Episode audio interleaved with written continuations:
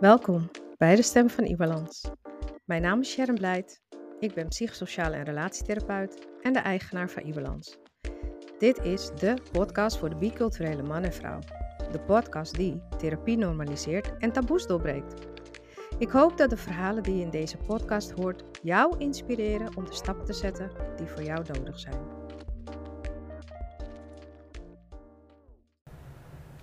Welkom bij een nieuwe aflevering van uh, De Stem van Iwelans. Mijn naam is Sharon Blijt, zoals je weet. En vandaag heb ik een hele bijzondere gast, uh, Yassin.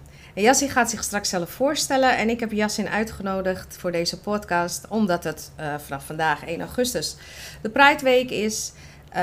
Yassin behoort zelf tot de LHBTQ community en is therapeut. En vandaag gaan we het met hem hebben over, uiteraard, Um, hem als therapeut, maar ook hem als persoon. Uh, welkom, Yasin. Ja, dankjewel. we hebben het een beetje voorbesproken, maar we gaan uh, dit gewoon doen. Uh, allereerst wil je jezelf even voorstellen. Ja, tuurlijk. Um, ik ben Yasin Luijber de Jong. Mm -hmm. Ik ben 38 jaar. Ik ben van huis uit half Marokkaans en half Arabaans, maar mm -hmm. wel geboren en getogen in Nederland. Mm -hmm. Uh, ik heb mijn eigen praktijk in Hilversum. Mm -hmm. En uh, daarnaast uh, promoveer ik aan de Radboud Universiteit bij Gender and Diversity, waar ik onderzoek doe naar biculturele relatietherapie. Oh ja, daar gaan we het straks dat, nog over hebben. Ja. Mm -hmm. Want dat is er gewoon niet zo heel veel. Nee, dat klopt. Maar er is wel een enorme behoefte. Ja, daar gaan we het allemaal over hebben. En je bent getrouwd. Ik ben getrouwd met ook. een Nederlandse man. Ja. dus jij hebt zelf ook een biculturele relatie? Ik heb zelf ook een biculturele relatie. En ik merk dat het, het is een ontzettende verrijking, want je leert van elkaars werelden. Ja. Maar het kan ook wel eens uh, ja, soms wat mislopen, soms wat frustreren. Mm -hmm. En het is heel belangrijk om die bruggen te bouwen naar elkaar en begrip te hebben voor elkaars wereld. Mm -hmm. uh, want je kan alleen maar van elkaar leren. Ja, en heb jij, want dat we denk ik meteen dat de luisteraar wil weten, heb jij een voorbeeld van een, een verschil of iets wat wringt of wrong bij jullie vroeger? En hoe hebben jullie dat opgelost? Goeie vraag. Um, we zijn allebei best wel rustige types. Mm -hmm. Dus heel veel dingen we verschillen wel enorm, maar um, Um, het is niet echt in de praktijk uh, naar buiten gekomen dat, dat, het, uh, dat het verschil echt heel erg heeft uitgemaakt. Ja. Ik denk dat het met name is in uh, hoe we naar de wereld kijken. Mm -hmm. Ik vanuit mijn biculturele achtergrond, vanuit die bril. Oh, ja. En mijn man meer vanuit het polder, vanuit het polderkader. Ja. Ehm, bijvoorbeeld op het gebied van um, nou ja, een verschil is uh, eten. Mm -hmm. uh, in mijn culturen, Arobaans als Marokkaans, wordt eten gezien als iets heel verbindends. Ja. En eigenlijk alles wordt gevierd met eten. Eten ja. is echt uh, verbinden, samen zijn. Het gaat niet alleen maar om het eten zelf, maar ook om de connectie en de relaties die je aanhaalt. Ja. En bij mijn man, die zit het eten gewoon als eten. Oh ja. En, dus functioneler uh, Het is wat meer functioneler, ja. wat minder verbindend. Ja, oh ja. En toen ik uh, in het begin van de relatie nam ik, maakte ik altijd wat voor mijn schoonmoeder. En op een gegeven moment zei mijn schoonmoeder, hou eens op met koken en al die andere lekkere baksels. Want ja, uh, ik, ja, ik, ik, heb er gewoon niet zo'n zo'n duidelijke relatie mee als, als jij dat hebt. Oh ja. Oh, ja. Dus toen dacht ik, oh ja, dat is toch wel echt wel een duidelijk verschil. Ja. Ik wil niet zeggen dat alle Nederlanders uh, nee, klopt. zo zijn, ja. maar dat was wel een duidelijk verschil binnen de relatie. Ja. En dan heel even terug naar jouw achtergrond. Arubaans, Marokkaans. Oh ja, we hebben niet aan de luisteraar verteld hoe we elkaar kennen. Wij kennen elkaar van de systeemtherapieopleiding in Amsterdam bij CTTO. En toen jij volgens mij tijdens de les een keer vertelde, want we hebben natuurlijk allemaal onze achtergronden gedeeld met elkaar. Ja. Toen dacht ik, hé, hey, die heb ik nog nooit eerder gehoord. en toen hebben we het volgens mij kort over gehad. Ik dacht, hoe, hoe zijn die twee werelden überhaupt bij elkaar gekomen? In Nederland uiteraard. Uh, maar die werelden zijn zo verschillend. Want Arubaan ja. is natuurlijk heel erg materia matriarchaal. En Marokkaans, traditioneel gezien, heel patriarchaal. Ja. En hoe, nu ben jij natuurlijk volwassen, dus hoe kijk jij er dan naar? Hoe dat, dit stukje dan vooral mogelijk is geweest met, tussen jouw ouders? Ik denk dat mijn ouders, mijn ouders om te beginnen zijn allebei gescheiden Ja. eh, van elkaar. Ehm, ze hebben elkaar ontmoet op de universiteit in Tilburg. Oh ja. Dat heette toen nog de Katholieke Universiteit Tilburg. Nu Mhm. heet het Universiteit Tilburg. En eh, ja, eh, ze werden op slag verliefd op elkaar. Mhm. En wisten ook helemaal niet van elkaar wat eh, de achtergronden waren. Mijn, mijn vader kwam naar Nederland om te studeren, mijn moeder ook. Ja, Eh, en pas later is het ehm, ja, uitzoeken hoe een relatie kan werken. ja, En mijn vader is iemand die ehm, eh, van huis uit heel erg eh, een traditionele rolverdeling Mhm. wilde. En mijn moeder die wil liever de, de broek aan in huis. Ja. En dat is heel erg normaal op, eh, in Aruba, dat Ja. vrouwen de Zeker. leiding nemen. Ja. Dus ja, dat werkt niet. Ja. En ehm eh, beide hebben ook wel heel veel geleerd van de relatie oh, oké. omdat op de eilanden ehm, ehm, eh, is een relatie hebben met een man eh, Mhm. wel belangrijk, Mhm. maar niet alles bepalend. Nee. Klopt. Klopt. En de Marokkaanse visie op een relatie is daarin natuurlijk 360 graden anders. Ja. Ja, een relatie is belangrijk, die moet je hebben, je moet getrouwd zijn. Dat Ja. geldt zowel voor de man als voor de vrouw natuurlijk in, eh, in, in die cultuur. Ja, dat is wel heel anders, ja. Klopt. Ja, oké. En wat, wat neem jij van beide culturen mee in je dagelijks leven of in, in hoe jij naar de wereld kijkt? Een goede vraag. Ehm, ik denk. ehm, beide culturen zijn. Ik vind het best wel hele warme culturen. Mhm. Eh, cultuur waar ehm, eh, de wijkcultuur, dus Ja. waarin de familie eh, heel erg een belangrijke stempel heeft Ja. in je leven en, en ook in je vormgeving, in wie je bent als mens. Ja. Dat neem ik uit beide culturen mee. Eh, natuurlijk de relatie met voeding. Ja. Ik, ik zie het ook als ik met mijn cliënten ben, dat we een taartje eten of samen gaan lunchen. Of al iets, is het iets heel kleins. Dat kan ook met een lekker kopje muntthee uit Marokko. Oh, ja. Dat je toch die verbinding zoekt. Ehm, en je merkt ook dat mensen dan op een andere manier kunnen kijken naar hun leven. En welke elementen ervoor zorgen dat zij in verbinding staan met hun leven en met anderen. ja, mooi. Ja. Super mooi dat je dat zegt. Ik maak veel ook gebruik van rituelen. Ja. Dus eh, hè, bij Marokkanen, we hebben een uitgebreid theeritueel. Oh, eh, waar je soms uren kan praten en ook uren thee kan drinken. oh ja. En dat doe, doe ik ook wel eens met cliënten. Dat ze denken van wauw, oh wauw, dat heb ik nog nooit gezien in de praktijk. Oh ja, dat we eh, twee uur eh, eh, praten en twee uur Marokkaans thee drinken met koekjes en al. Oh ja, mooi. Het is een andere invulling, maar het is wel ehm, een, een invulling vanuit mij. Ja, maar dat is denk ik vooral belangrijk, toch? Sowieso als mens, maar ook als therapeut, die authenticiteit. Absoluut, Ja. absoluut. Mooi, dat wist ik nog niet van jou. Dit had je me nog niet eh, verteld. Maar mooi om zo te horen dat je dat, eh, dat je dat doet. Echt heel tof.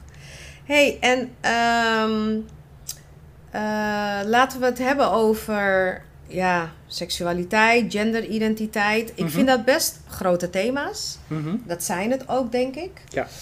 En ehm, ik heb er wel over na zitten denken. En, en zeker met hoe de LHBTQ plus community zich nu profileert. Ja. Ehm, en de, de diverse benamingen. En dan komen we, daar komen we straks wel op. Maar ik vraag me even af, hoe is dat voor jou geweest? Want jij bent een homoseksuele man. Mhm. En wanneer, sinds op welke leeftijd wist jij dat je homoseksueel was? Goeie vraag. Ehm, ik denk dat elk ehm, proces begint bij coming in. Hè? Dus Ja. wanneer weet je of je eh, homoseksueel bent. En vanaf wanneer begint dat proces? Dat proces begon bij mij vanaf toen ik 8, 10 was. Dat ik al wist dat ik anders was. oké. Ik wist niet dat ik gay eh, ben. Maar wel dat ik anders was dan alle andere kinderen. En ehm, ik was als kind altijd een hele, hele erge dromer. Mm. Ik eh, fantaseerde vaak over eh, nieuwe werelden. Mhm. fantasierijke eh, eh, omgevingen. Mhm. En ehm, vanuit mijn cultuur werd heel erg, wordt, je wordt je heel erg gevormd naar een, een rolpatroon. Ja. In, dit, in dit geval is het belangrijk dat ik zoveel mogelijk gevormd word tot een man. Ja. Een, een sterke eh, man. En heb je het meer vanuit je Marokkaanse afkomst? Oké, ja. Ja. mhm. En daar horen ook gedragingen bij. ja. En eh, om een voorbeeld te geven, ehm, jongens speelden met jongens, meisjes met meisjes. Oh, ja. Ehm, eh, binnen de Marokkaanse cultuur eet je ook vaak met de mannen onder elkaar Mm. en vrouwen apart. Mhm. Niet in alle culturen is dat zo, maar in heel veel Marokkaanse gezinnen gaat het wel zo aan toe. Mhm. En ik merkte dat ik toen al anders was. Dat Mhm. ik toen liever met de vrouwen omging. Niet dat het me dat meer gay maakt. Maar het was wel een, het moment dat ik dacht van... Oh, hier ben ik wel afwijkend. Hier ben ik wel anders Mhm. dan alle andere jongens en mannen. Hmm. En, en nu heb je het vooral over je Marokkaanse stukje, maar de Arubaanse cultuur, de Caribische cultuur, Ja? Daar zijn ook bepaalde ideeën over wat een man is en hoe een man zich hoort te gedragen en hoe een man hoort te zijn. Ook al is het een matriarchale systeem of samenleving, om het zo te zeggen. Klopt. Dus wa- wat was dan het Arubaanse stukje dan? Of, of was het allemaal een beetje hetzelfde? Ik hoop dat je een beetje begrijpt wat ik bedoel. Ik begrijp wat je bedoelt. Ehm, eh, daar ehm, gaan mannen ook liefst om met mannen. Dat is Ja. De cultuur ook. En ehm, daar had ik eh, ehm, minder last van, want ik woonde toen bij mijn vader. Mhm. Mijn ouders zijn toen ik zes jaar was, was waren gescheiden. Oké. En ik woonde eh, het ene jaar bij mijn moeder en het andere jaar bij mijn vader. Mhm. Dus ehm, bij mijn moeder had ik daar eigenlijk bijna geen last van. Oké. Eh, grotendeels van mijn familie woont op Aruba. Oh, oké.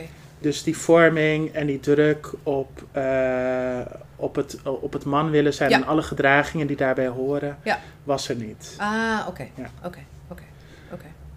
Desniettemin was het wel belangrijk eh, dat ik ook jongensdingen dingen deed. En dingen deed die hoorden bij het opgroeien tot een man. Mhm. Een voorbeeld is eh, omgaan met ooms, met neven, met mannen uit de familie. Mhm. Dat deed ik wel. Oh ja. En als familie over de vloer kwam eh, met bezoeken, dan was dat ook wel heel duidelijk. Mhm. Wat is de plek van een man, wat is de plek van een vrouw? Oh ja.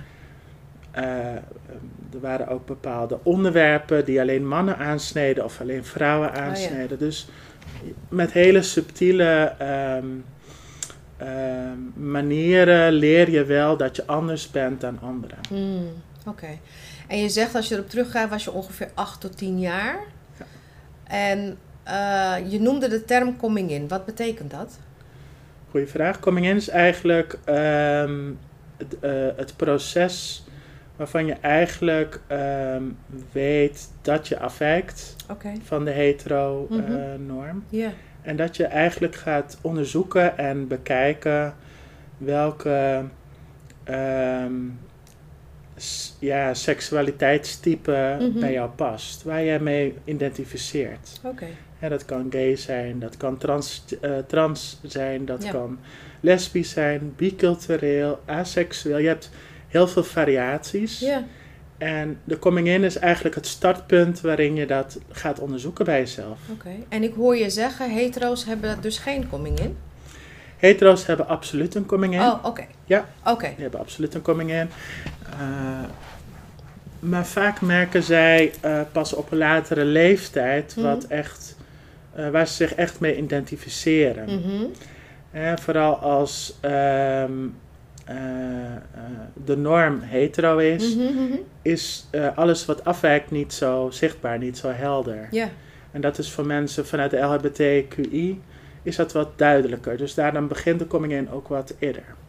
Oh, zo. Oké. Ik was me daar nooit zo bewust van, want ehm, ik heb me nooit afgevraagd, hoeven vragen of ik hetero ben of iets anders ben. Want dan noem je cis. Cis noem je dat toch? Ja, klopt. Ja. Dus, dat, dus, dus ik ken dat proces niet, daar gaan we het verder over hebben. Dus voor mij was het heel duidelijk, ik viel op jongens al vanaf dat ik jong was. Dus ja, dat was het dan. Ja. Dus voor mij is het eigenlijk heel simpel. En daarom vroeg ik ook al jou die coming in. Want in principe hebben we allemaal, denk ik wel, in meer of mindere mate, als je in de puberteit zit, dat je denkt, oh, wie vind ik nou aantrekkelijk of niet. Dus vandaar dat ik je ook vroeg, maar iedereen heeft het dus, hoor ik je zeggen. Ja. Eh, maar ik snap wel dat er een verschil is, want de norm is nog steeds hetero natuurlijk. Ja. In alles. In alles. Ja, dat klopt. Dat en het klopt. is natuurlijk heel erg afhankelijk in wat voor omgeving je opgroeit. Zeker. Ja, de context, wij als systeemtherapeuten weten dat de context, dat Absoluut. daar echt de sleutel in zit. Ja. En dus als je niet een stimulerende context om je heen hebt, waarin je de ruimte hebt en de vrijheid hebt en de acceptatie hebt en de liefde hebt Ja. om je heen hebt om te zijn wie je wilt zijn, Ja. dan wordt het heel moeilijk om vanuit het coming in naar het coming out proces Ja. toe te werken. Want ook van de coming in, dus dat is in eerste instantie, ik denk misschien heel plat gezegd, jezelf afvragen: hoe zit het met mij of zo? Wat vind ik leuk? Of op wie val ik? Of wie vind ik aantrekkelijk? Wie trekt mij aan? En dat, Mhm. dat proces gebeurt natuurlijk op verschillende lagen en vaak ook heel onbewust. Zeker als je zo jong bent, denk ik. Als Ja. ik naar mezelf terugkijk, denk ik ook. Ik was daar natuurlijk niet zo bewust van. En dan, jij was ongeveer 8 tot 10 jaar dat je dat een beetje door begon te hebben. Ja. Was dat bewust of kijk je erop terug dat je denkt, oh toen was het, toen ik 8 of 10 was? Of wist je dat toen ook al echt al? Ehm, ik, wist, eh, ik wist het pas echt toen ik 12 was. Oké, dat is ook nog steeds relatief Ja. jong. Ja. Oké, en wat was voor jou op het moment? Oh, Omdat, omdat toen mijn klasgenootjes toen al begonnen met vriendjes en vriendinnetjes. oh ja, En ik toen dacht van, ja maar, ik vind de, de vriendinnen die ik heb hartstikke leuk, maar ik zou nooit eh, verkering met ze willen. Hè? Ja. Dat was toen in die tijd heel erg Ja. in als, als, als belangrijk. Ik weet niet hoe het nu heet, maar volgens mij toen- nog steeds zo bij jongeren. en daarna weet ik het ook niet hoor. dat als je verkering had, hè, dat dat dan, dat dan eh, een richting was richting je liefdesleven. Ja, en ik stelde mijn liefdesleven heel anders voor. Ik oh ja. Had nog helemaal geen fantasieën om verkering te vragen aan het leukste meisje van de klas. Ik dacht ook niet aan jongens eh, toen eh, op die leeftijd, maar ik dacht wel van, hé, hey, eh, de jongens uit mijn klas vind ik toch interessanter Oh ja. dan de meisjes. Oh ja, oh ja. En wanneer ehm, is, ehm, is de coming out gekomen? Want dat is denk ik een, kan een lang proces zijn. Het is een heel lang proces geweest voor mij. Ja, Eh, ik heb, ehm, ik denk vanaf mijn achtste tot aan mijn ja, zeventiende heb ik mijn coming in eh, gehad. Zo lang heb ik mijn proces gehad. Ik heb heel lang geworsteld met mijn geaardheid. Ook Ja. omdat het vanuit mijn vanuit beide culturen niet werd geaccepteerd. ja, Ik ben uit de kast gekomen toen ik 17 was bij mijn moeder. oké. En op mijn 24ste bij mijn vader. Oh, dus daar zit ook nog een heel Daar zit ook proces. nog een verschil. Ja. Oké, maar laten we beginnen met je moeder. Want je was toen 17 en koos je voor je moeder omdat je dacht dat het bij haar misschien wat makkelijker zou gaan? Of Ik had het te maken met jullie relatie? Ik koos eh, voor mijn moeder omdat ik ehm, altijd de beste relatie had met mijn moeder. Oké, Ja, eh, vier handen op één buik, Mhm. zeggen ze ook wel eens. ja, ja, ja. En mijn vader is eh, een hele nuchtere, hele serieuze man. Ja, Maar had weinig ruimte ook voor andersdenkenden. Was niet zo open-minded. Ja, Dus ik dacht, eh, als ik begrip wil hebben voor mijn situatie en voor de gevoelens die ik eh, heb ontwikkeld, maar ook mijn identiteit, dan zou ik het beste bij mijn moeder terecht kunnen. oké.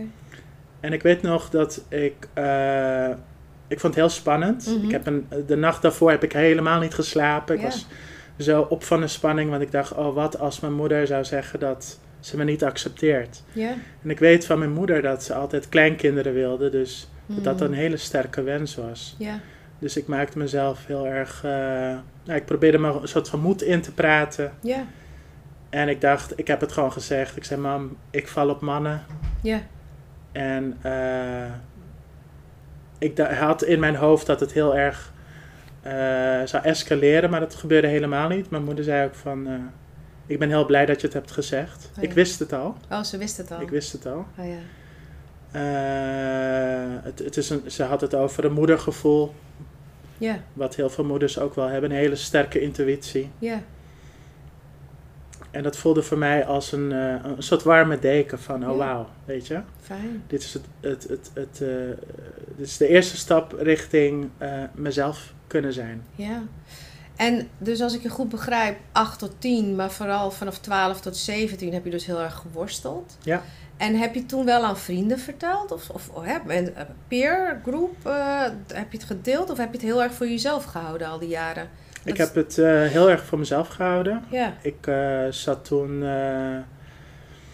ehm, ja, op heel veel. ehm, nou ja, ik zat op een aantal scholen waar ik wist dat ehm, die ruimte er niet was. Zoals je dat nu wel ziet bij Ja. scholen. ja, Dus ehm, het is niet dat ik het verborgen hield. Dus als mensen aan me zouden vragen: Goh, Jasin, ben je gay? Dan zou ik dat gewoon Oh ja. beamen. Ja. Maar ik, eh, ik liep er niet mee te koop. nee. Nee. oké. Daar was het nog te kwetsbaar voor. En daar was het nog te kwetsbaar voor. Het, ook omdat ik nog toen niet uit de kast was bij Ja. mijn moeder. Ja. En ik vond mijn ouders, daarin vind ik dat het belangrijkste voordat ik uit de kast kom bij de rest van mijn vrienden. Oké, oké. Dus je moeder, dat was een warme deken, gelukkig. Gelukkig wel. Ja, En toen, vanaf toen ben jij ook wat meer, de, heb je, heb je, je zegt toen, toen kon je meer jezelf zijn. Hoe zag dat er dan toen uit? Op 17-jarige leeftijd toen je, het toen je het aan je moeder had verteld? het voelde me voor mij als ehm, eh, dat ik geen. eh, dat ik echt mijn eigen leven kon leiden. En dat ik ehm, niet dingen verborgen hoef te, hoef te houden. Niet dat Ja. ik dat deed. Ja, Ehm, maar het was een hoofdstuk eh, die ik opnieuw opende in mijn leven. mhm, En ehm, ik had daardoor het idee dat ik, eh, doordat mijn moeder me accepteerde, dat ik dat weer kon uitbreiden naar familie. oh ja, En dat ik dat stapsgewijs kon doen. Hè, ik bedoel, we hebben een heel duidelijk beeld van in het Westen van uit de kast komen. mhm, Hè, dat, dat, is, dat je dat in één keer kan doen voor alle familie en vrienden. ja, Maar in heel veel situaties, inclusief de mijne, mhm, kan dat ook net zo goed gefaseerd gaan. ja, En je bepaalt je eigen coming in en je eigen coming out. ja, En dat er een model bestaat binnen het Westen wil nog niet zeggen dat dat het model is wat voor jou werkt. ja, Iedereen doet het op zijn eigen manier. ja, Ik heb nu eh, cliënten uit Dubai, uit Kuwait, Ja. uit eh, Verenigde Staten, China, Filipijnen. Ik heb Ja. best wel veel internationale cliënten. ja, En die geven me allemaal aan van mijn jas in. Het westerse model, als ik dat doe, dan verlies ik iedereen Ja. omheen. ja, Dus ik ga met hen, eh, bekijk ik wat voor hen het beste is. En Ja. waar zij het meeste op hun gemak voelen. ja. En het is meestal bij een gefaseerd model.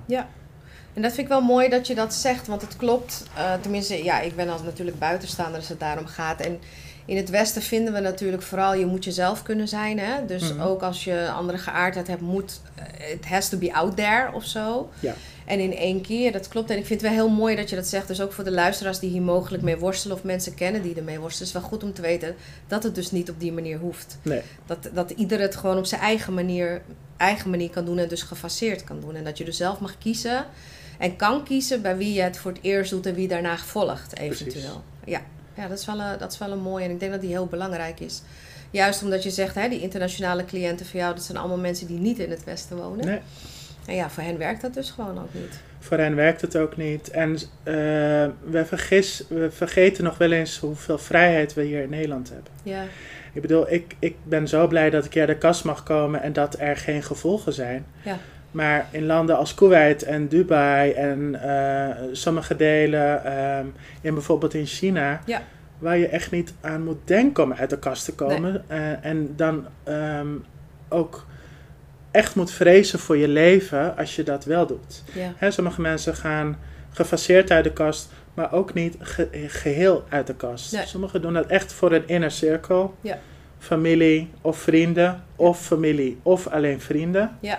En dat is verder ook prima. Ja.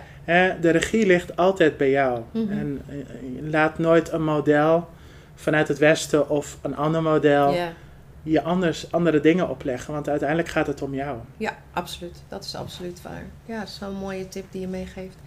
hey, en even los van je geaardheid wil ik even zeggen, klinkt heel stom.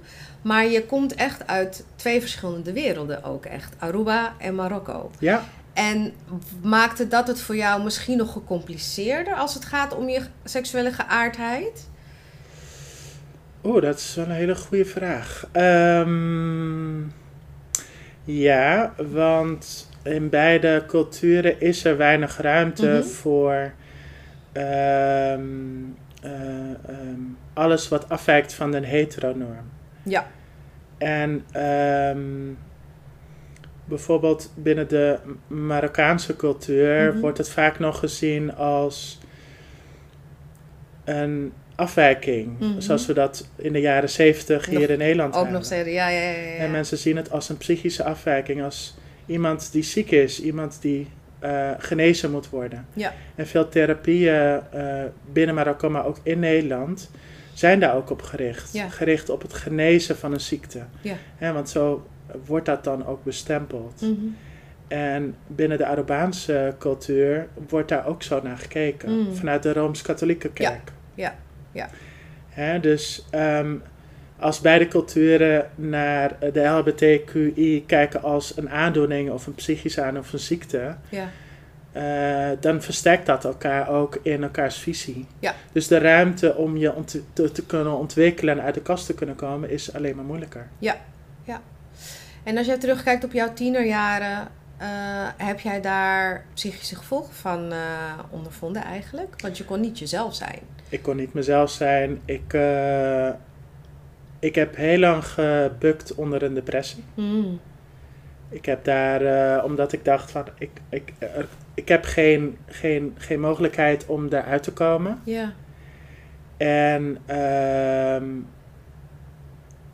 in beide families was de druk op het krijgen van kinderen heel erg hoog. ja, Eh, want kinderen worden gezien ook niet naast als een verrijking, ook als een status. ja, Hè, dus als je geen kinderen kan krijgen, dan is er iets mis met jou. ja.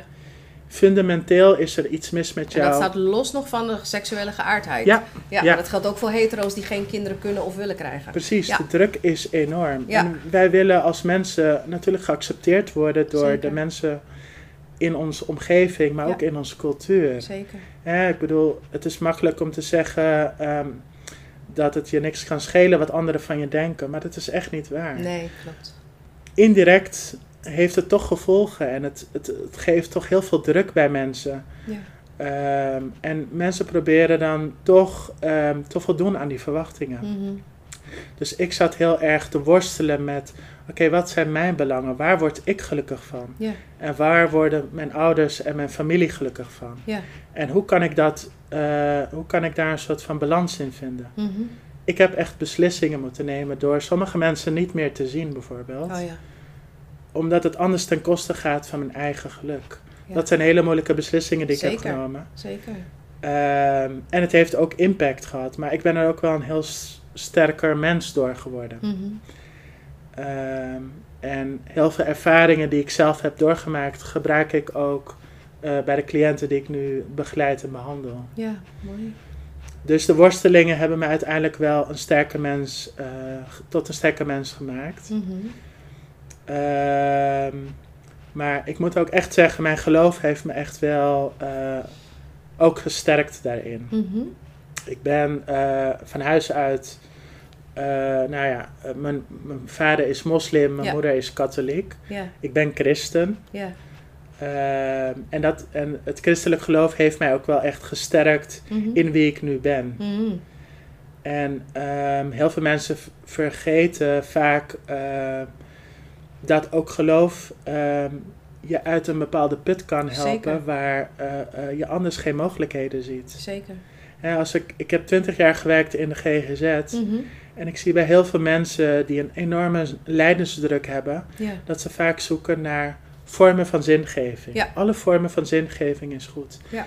Ehm, als je er maar kracht uit haalt. En in mijn situatie is, eh, heeft God Mhm. mij echt heel veel gebracht. Mhm. Maar ook in contact gebracht met mensen die mij ook weer verder hielpen. Oh ja, dat is mooi. Ja. Dus zo kijk ik ook weer naar het leven. Ja, mooi. Mooi.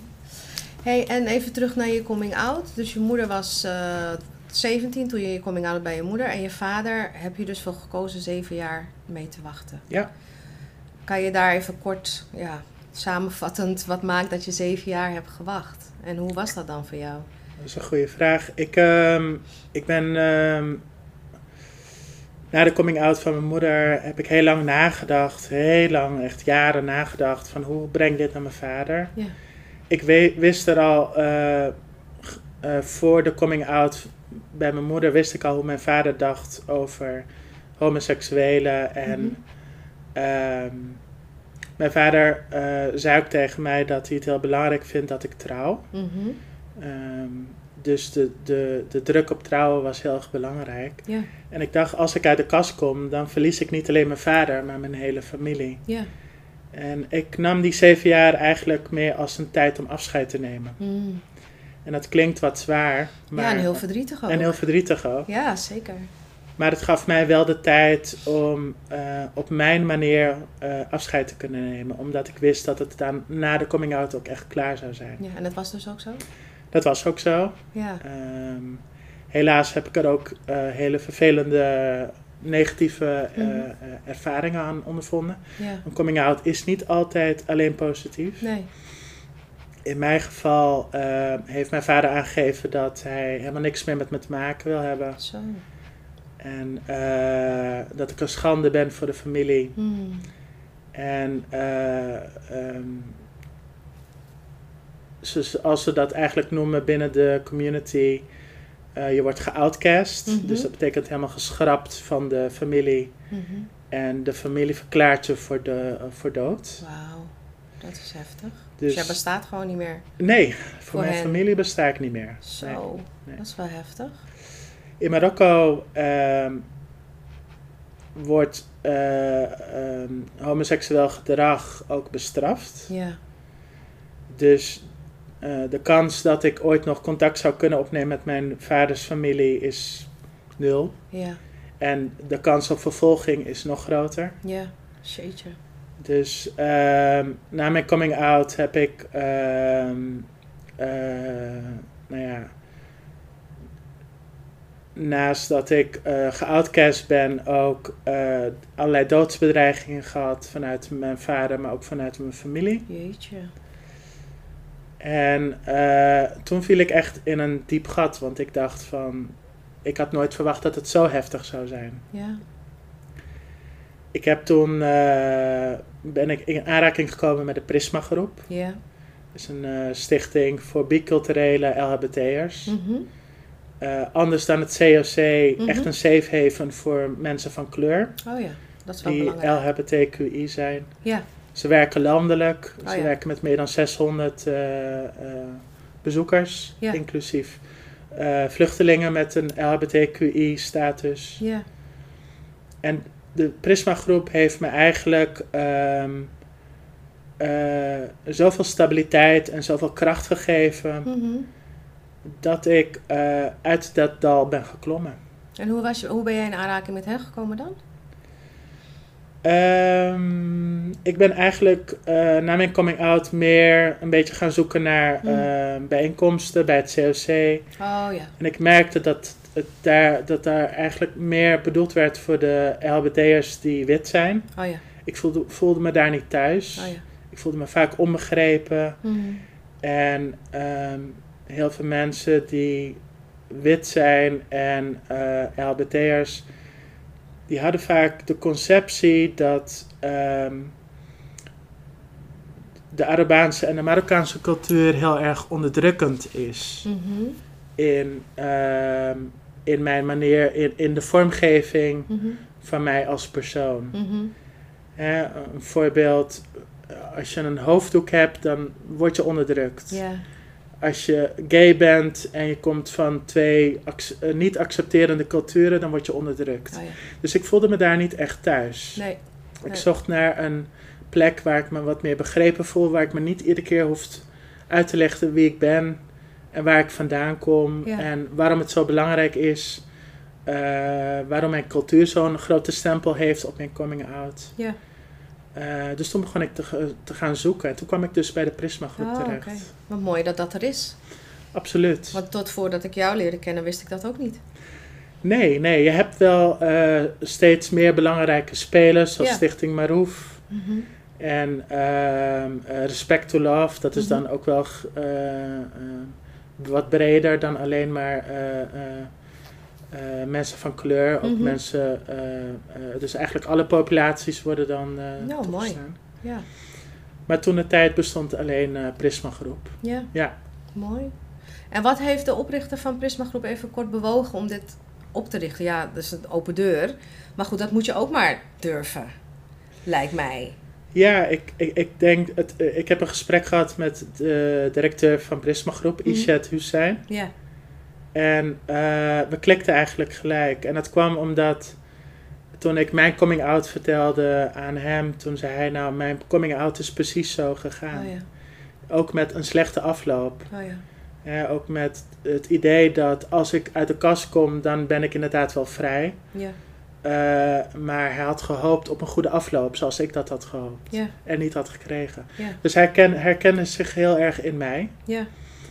Ehm, en ook ehm, dat mijn verhaal andere mensen ook mag, mag eh, eh, delen, mag, mag Ja. raken. Zeker.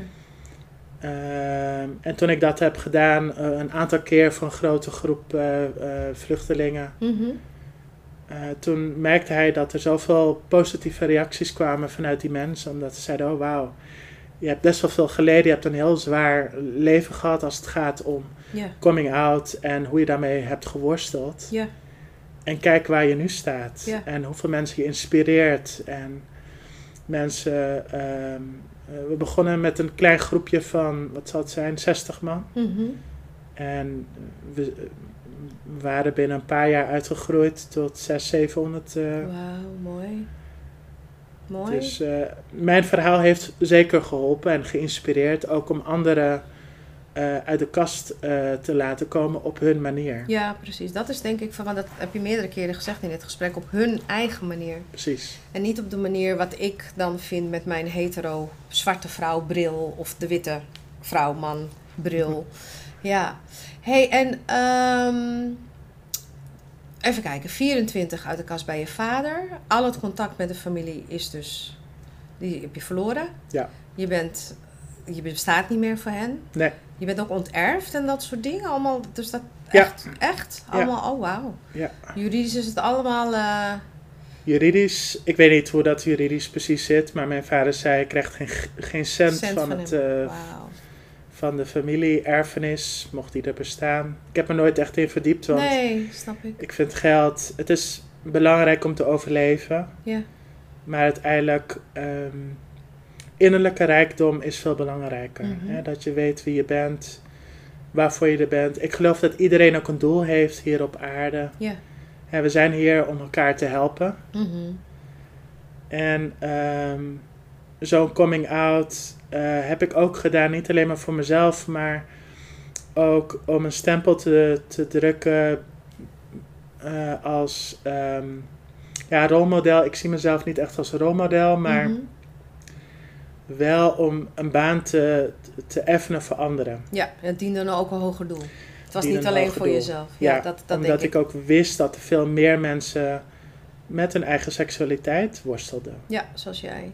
Ja, Ook binnen de familie. Ja. En na mijn coming out eh, zijn er nog twee andere mensen in mijn familie uit de kast gekomen. in je Marokkaanse familie of je Arubaanse? Arubaans. Ah, oké. Ja. Doordat jij als eerste die stap hebt gezet, Ja. zijn zij daarna. Dat is wel heel mooi. Dat jij dat dus hebt kunnen doen. Ja, ondanks dat het heel pijnlijk Ondanks dat het heel pijnlijk Ja. is. Dus, ehm, en ik weet ook van, kijk, eh, er zijn heel, er zijn tig mannen die een dubbel leven leiden, of vrouwen een dubbel Mhm. leven leiden. Ja. En ik veroordeel ze absoluut niet. Mhm. Dat, dat wil ik echt voorop stellen. Mhm, Maar ik zou het niet kunnen. mhm. Ja, want je maakt niet alleen jezelf ongelukkig, maar je maakt ook die vrouw ongelukkig. Je maakt iedereen ongelukkig. Mhm. Wie je ook gelukkig wil maken. Ja. Ja, Ja, dus dat vind ik, daarom heb ik het ook gedaan. ja. Ja, wauw. Hey, en toen je dat dus gedaan had met je vader en met alle gevolgen van dien, en toen Mhm. voelde je je ook vrijer Kon je toen de wereld ook anders toetreden? Ik uh, viel een ontzettend grote last van mij. Mhm. Ik had, ehm, ik had niet meer het idee ehm, dat ik. eh, ik voelde me een soort van geketend, Mhm. metaforisch. En die ketens waren af, dus ik, ik kon weer ademen. ja, Ja. ja. En ik had niet het idee dat als ik een vriend zou tegenkomen, want ik had toen geen vriend, Mhm.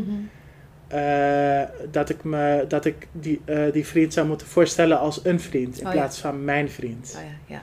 Hè, dat zijn de kleine nuances die wel heel belangrijk zijn, Ja, maar die toch wel veel gebeuren voor mensen die een du- dubbel leven leiden. ja. En e- hun eeuwigdurende partner wordt altijd geïntroduceerd als een vriend. Ja, klopt. En dat is best wel pijnlijk als je, eh, naarmate je ouder wordt. Ja. En je hebt ook recht op je eigen leven. Ja, dan moet ik aan denken aan een cliënt van mij. Daar had ik, eh, daar had, die had ik ook anoniem met jou besproken. Een dame die eh, haar vader, de moslim, weliswaar niet Marokkaans, maar wel moslim, die wist niet dat zij, ja, ik weet niet hoe zij zichzelf identificeert, een relatie had met een vrouw. En daar eh, hebben wij het in de therapie ook heel erg over gehad. En eh, bij haar was het eigenlijk een beetje hetzelfde als jou, want zij worstelde met twee culturen, ook de Nederlandse cultuur en de cultuur van haar vader. En dan daarna ook eens nog eens een keer. Voor zichzelf had ze het wel helder. Ik ben Ja. gewoon op deze vrouw gevallen en daar ga ik de rest van mijn leven, daar blijf ik gewoon mee. Maar haar vader wist het nog niet, dus daarom in de therapie heel veel aandacht aan besteed. En eh, uiteindelijk heeft ze het wel aan hem verteld. En in eerste instantie was hij wel heel coulant. Maar later eh, ja, had hij het er toch wel moeilijk mee. En eh, nou, alles gaat nu goed, dus therapie is gestopt. Dus ik weet eigenlijk niet zo goed hoe het verder is afgelopen. Maar ehm, ja, dat was wel een eh, indrukwekkend proces ook om als therapeut eh, dat te volgen. En nu wil ik ook even een bruggetje maken naar therapie. Want jij bent net als ik transculturele systeemtherapeut. Klopt, ja. En wij bedienen zeg maar een andere soort doelgroep, om het even zo te zeggen. Je hebt net iets over je promotie verteld, daar kom ik straks op. En eh, in het voorgesprekje wat we hadden, zei je dat je het ook heel erg belangrijk vindt om het te hebben over therapeuten van kleur. En wa- vertel, wat wilde je daarover kwijt? Ik denk dat het heel erg belangrijk is dat therapeuten zoals jij en ik van Mhm. kleur er ook zijn en ook zichtbaarder zijn. Mhm. Eh, in, ehm, als je het nou hebt over eh, de GGZ als welzijn, als alle vormen wat te maken heeft met hulpverlenerschap, Ja. hè, dat die er wat meer mogen zijn. Mhm. En ook wat meer het podium mogen hebben. Mhm. Hè, want ik merk in mijn praktijk eh, dat 80% van mijn cliëntelen Mhm. strikt eh, mij heeft gekozen. Natuurlijk wel omdat ik therapeut ben, Ja. maar ook omdat ik van kleur ben. Ja. Ze voelen zich vaak niet goed begrepen door mensen die blank zijn, Ja. eh, omdat er ontzettend veel aannames worden gemaakt die, waar mensen continu tegen moeten vechten, terwijl Mhm. ze al komen met hun eigen problemen. Ja. Laat staan dat ze zich continu moeten verantwoorden tegenover de therapeut. Ja. Hè, dus het niet veroordeeld willen voelen is een Mhm. hele belangrijke component. Ja. En daarnaast willen mensen ook zich kunnen herkennen in een ander. Ja. Als eh, ik tegenover mij een, een, een blanke therapeut heb, waarvan ik alles nog moet uitleggen over eh, mijn leven, mijn cultuur en alles daaromheen, Ja. dan hebben we nog drie sessies nodig Ja. voordat we tot de kern komen. Ja. Hè? Ehm, en daarnaast zijn er heel weinig therapeuten die en van kleur zijn en van de LHBTQI. Klopt. Dus ehm, ik vind dat het echt heel erg belangrijk is dat therapeuten van kleur ehm, op het podium komen, maar ook ehm, wat meer zichtbaarder eh, mogen Mhm. zijn. Mhm. En ik ben heel erg blij met jou, Mhm. omdat jij ook van kleur bent. En ik ook zie dat er heel veel cliënten die ik ook naar jou doorstuur, ontzettend tevreden zijn met de behandelingen die jij geeft. Ja. En dat is ook de manier van vraagstelling. Mhm. We- eh, mensen van kleur, ehm, ja, misschien is dit wat, wat, wat heftig dat ik dit zeg, maar die hebben gewoon, eh, als het gaat om cultuur, een veel breder perspectief. Mhm. En kijken daar ook anders naar en kunnen daardoor ook andere vragen stellen. Ja. Ja, daar, daar ben ik het zeker mee eens. Dat, dat merk ik ook bij mijn eigen cliënten. De, de, de vraagstelling en de herkenning. Ik heb natuurlijk veel hetero stellen, wat logisch is. Eh, maar die zeggen, dan, eh, die zeggen dat ook. Dat klopt, dat herken ik heel erg. Ja, dat herken ik wel. Ja. Ja. En als het gaat om die combi wat je zegt, dus en van kleur en de LHBTQI, die zijn schaars. Dus daar ben jij een van de weinigen van, denk ik. Daar ben ik een van de weinigen van. Ja. Ja, ik, ik ken er wel nog een paar, Ja. Maar dat is op de handen tellen. En die werken mogelijk zelf in loondienst, zijn misschien niet zelfstandige therapeuten. Ja, klopt. Die werken bij grote GGZ-instellingen.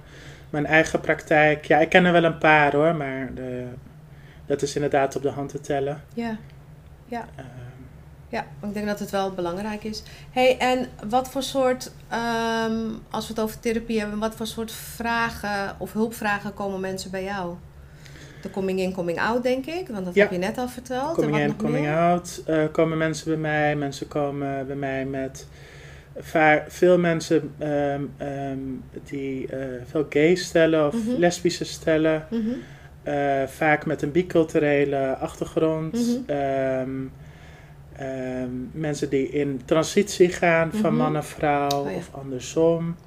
Of non-binaire personen, dus mensen die zich niet strikt eh, eh, herkennen of identificeren met het mannelijk of vrouwelijk geslacht. Mhm. Eh, maar een, identificeren met een, een, een identiteit die of vrouwelijk of mannelijk of Mhm. daartussenin Mhm. of eh, in een spectrum daarbuiten. Mhm. En non-binair is niet alleen maar of man of vrouw of de combi, Ja, maar het kan ook een identiteit zijn buiten wat we hebben afgesproken in onze maatschappij. en kan je dat even uitleggen? Want daar loop ik zelf, en dat zeg ik heel eerlijk, als hetero vrouw, die vind ik heel ingewikkeld. Dus het feit dat je hetero en homoseksueel trans, die begrijp ik allemaal. Maar dat non-binair vind ik heel moeilijk om te, om te vatten. En misschien ga ik het nooit vatten hoor, want mijn hoofd is natuurlijk gewoon heteroseksueel. Eh, maar kan je dat wat meer uitleggen, ook misschien voor de luisteraar? Ik denk dat het echt belangrijk is dat in elke maatschappij eh, spreken we af wat verstaan we onder mannelijk en wat verstaan we Ja. onder vrouwelijk. Ja. En elke tijdsgeest verandert dat concept ook Mhm, weer. Hè? mhm. Van hoe, wanneer voel je nou man en wanneer voel je nou vrouw? Ja. En vroeger waren broeken alleen maar voor een man Mhm. en was het ondenkbaar om als vrouw een broek te Ja. gaan dragen. Klopt. En nu vinden we het eigenlijk hartstikke normaal. Ja. Dus zo zijn die concepten over man en vrouw eh, per tijd, per cultuur, Ja. per eh, ehm, land Ja. heel erg verschillend. Ja. En non-binair wil eigenlijk zeggen niet conformerend aan wat is man of wat is Mm. vrouw, Ah ja. maar dat je je eh, kleedt of identificeert of gedraagt in het concept waar jij het beste bij past. En of dat nou man, vrouw of daarbuiten Mhm. valt. Mhm. eh, En wat maakt dat het dan als meervoud wordt gezegd? In het Engels is het they, them. In het Nederlands is het zij. zij, Wij. hun. Zij, hun. Wat maakt dat dan... Dat snap ik nog steeds niet, maar misschien denk ik weer te veel. Wat maakt dat het they, them is dan? Zij, hun. Wa- wa- Wat, is dat omdat het alles omvat of zo? Of wat... eh, Naar mijn weten is het omdat men zich niet identificeert met één vast concept, maar met verschillende concepten. Oh, dat is het. en ja, eh, wij als mensen, we zijn een hartstikke complex Zeker. eh, persoon. Hè? Ja. Een heel verrijkend, heel Ja. rijk met verschillende deel- en identiteiten. Hè? Je, je bent vader, je bent, Ja. je bent eh, eh, eh, misschien wel een, een hele goede coach Ja. voor, een, voor een voetbalteam. Je bent de beste vriend van iemand anders. Hè, je hebt heel veel verschillende soorten rollen. En zo is dat ook bij je identificatie met je gender. Ah, met, ehm, eh, eh, ze noemen het ook wel eens genderfluide. Hè? Ja, Hè, dus dat je, dan, ik ook. dat je dan eh, af en toe eh, je mee identificeert met, eh, met het vrouw zijn. Mhm. En an- af en toe mee identificeert met het man zijn. Dat je het daarin kan switchen wanneer je, hè, je, je dat voelt. En, dat, en dan is volgens mij, dit is dan de genderidentiteit, maar dat zegt nog niks over je seksuele, seksuele geaardheid. Dus Want het- dat kan dus ook heel erg verschillen. Dus je kan je bewijs van spreken op dat spectrum, als ik het goed begrijp, en je moet me echt corrigeren. je bijvoorbeeld man voelen ehm, en dan vallen op vrouwen. Ja. van spreken. Ja. Of omgekeerd. Ja. oké. Oké.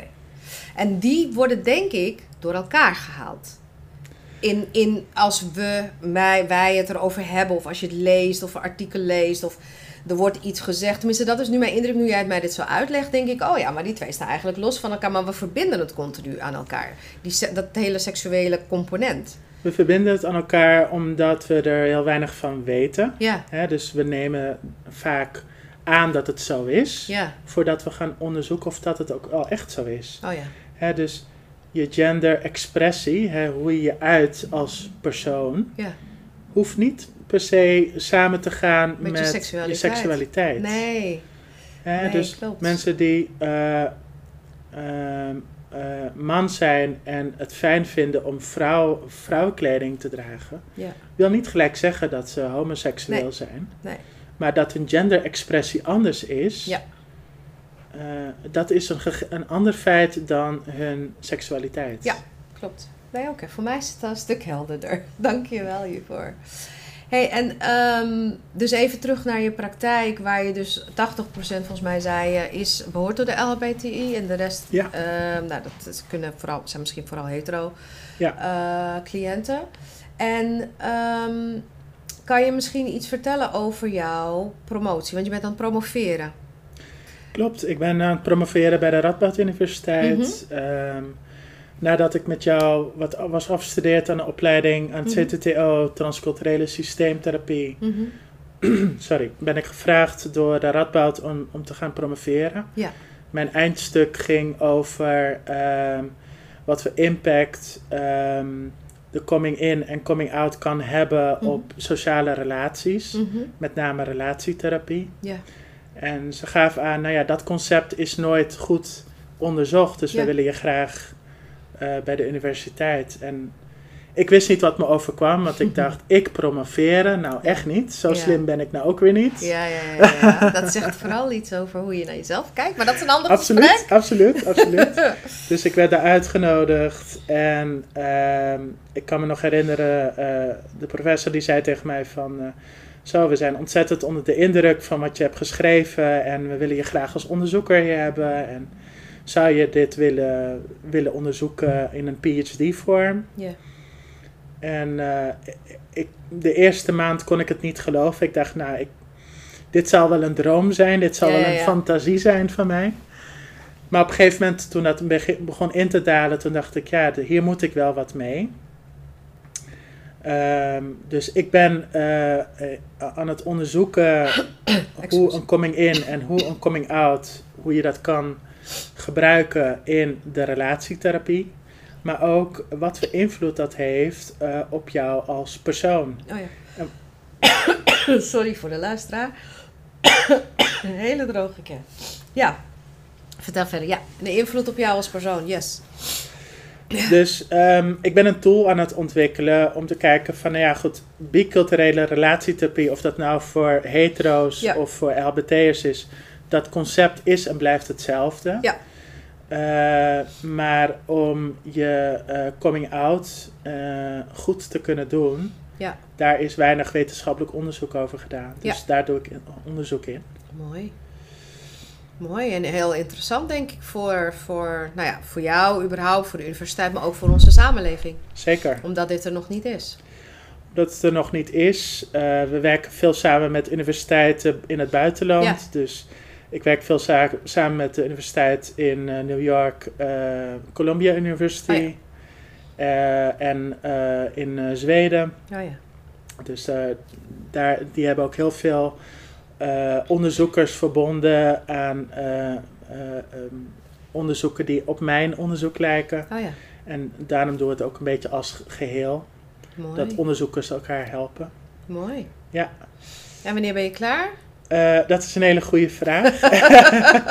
Daar of kan zit je, er geen tijd aan? er zit geen tijd aan. Je, kan, je kan er Oh. tien jaar over doen, je kan er zes jaar over doen. Oh, oké. Ik heb er geen tijdsdruk. eh, oh, gelukkig. eh, ik wil het gewoon goed doen. Ja, zeker. Dat is ook belangrijk ook. ja. Ehm, Dus ehm, ik heb inmiddels wel aardig wat respondenten, maar er is altijd ruimte voor meer. Ja.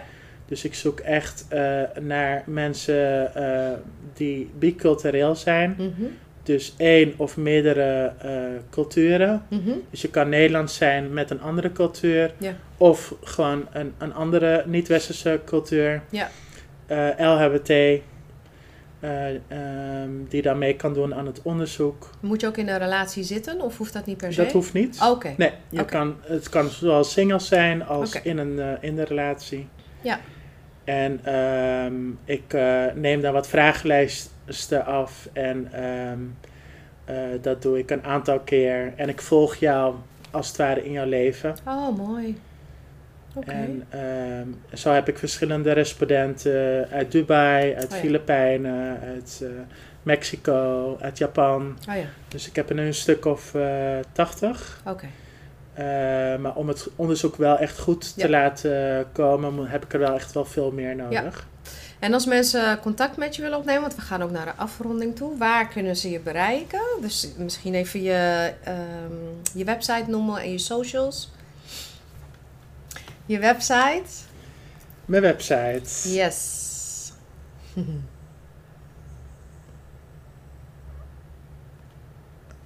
Is Radiant, volgens mij www.radiant-therapie.nl. Ja, klopt. En daar kunnen ze ook je gegevens vinden om eventueel telefonisch contact met je op te nemen. En je bent ook te vinden op de socials. En op LinkedIn, gewoon onder je naam, hè? ja. onder mijn naam, Yassin Leiba de Jong. Yes, en daar kunnen mensen ook berichtjes sturen. En mochten jullie, eh, mocht dat niet lukken, kunnen jullie ook altijd via mij contact opnemen. Uh, nou, Yasin, mijn gegevens die, eh, zijn in de outro van de podcast te horen. En dan geef ik het door eh, aan Yasin sowieso.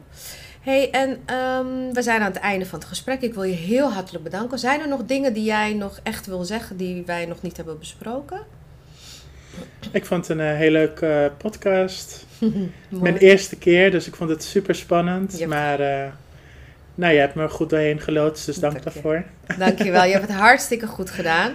En ik denk sowieso dat er nog wel, hè, dat een aantal thema's, dat we die misschien op andere mogelijkheden moeten jij en ik even samen kijken. Het ligt ook denk ik aan de reactie van de mensen die ernaar gaan luisteren. Ja. Eh, of zij misschien eventueel behoefte hebben aan nog wat meer uitleg over bepaalde onderwerpen. En dan kunnen wij daar altijd nog weer een nieuwe podcast van maken natuurlijk. Helemaal goed, helemaal Yes. goed. Dankjewel. Oké, nou Jassin, hartstikke bedankt. En luisteraar, jij ook weer bedankt dat je hebt geluisterd naar de stem van Ibalans. En tot de volgende keer.